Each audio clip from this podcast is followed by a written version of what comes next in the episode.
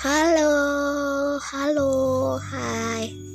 Kenalin, aku Nai dari perjalanan Menepi dan aku bikin podcast ini karena aku pengen cerita tentang perasaan aku, ngungkapin hal-hal yang baru, ngungkapin hal-hal yang aku menarik untuk diceritakan dan aku tuh uh, excited banget gitu bikin, podcast ini.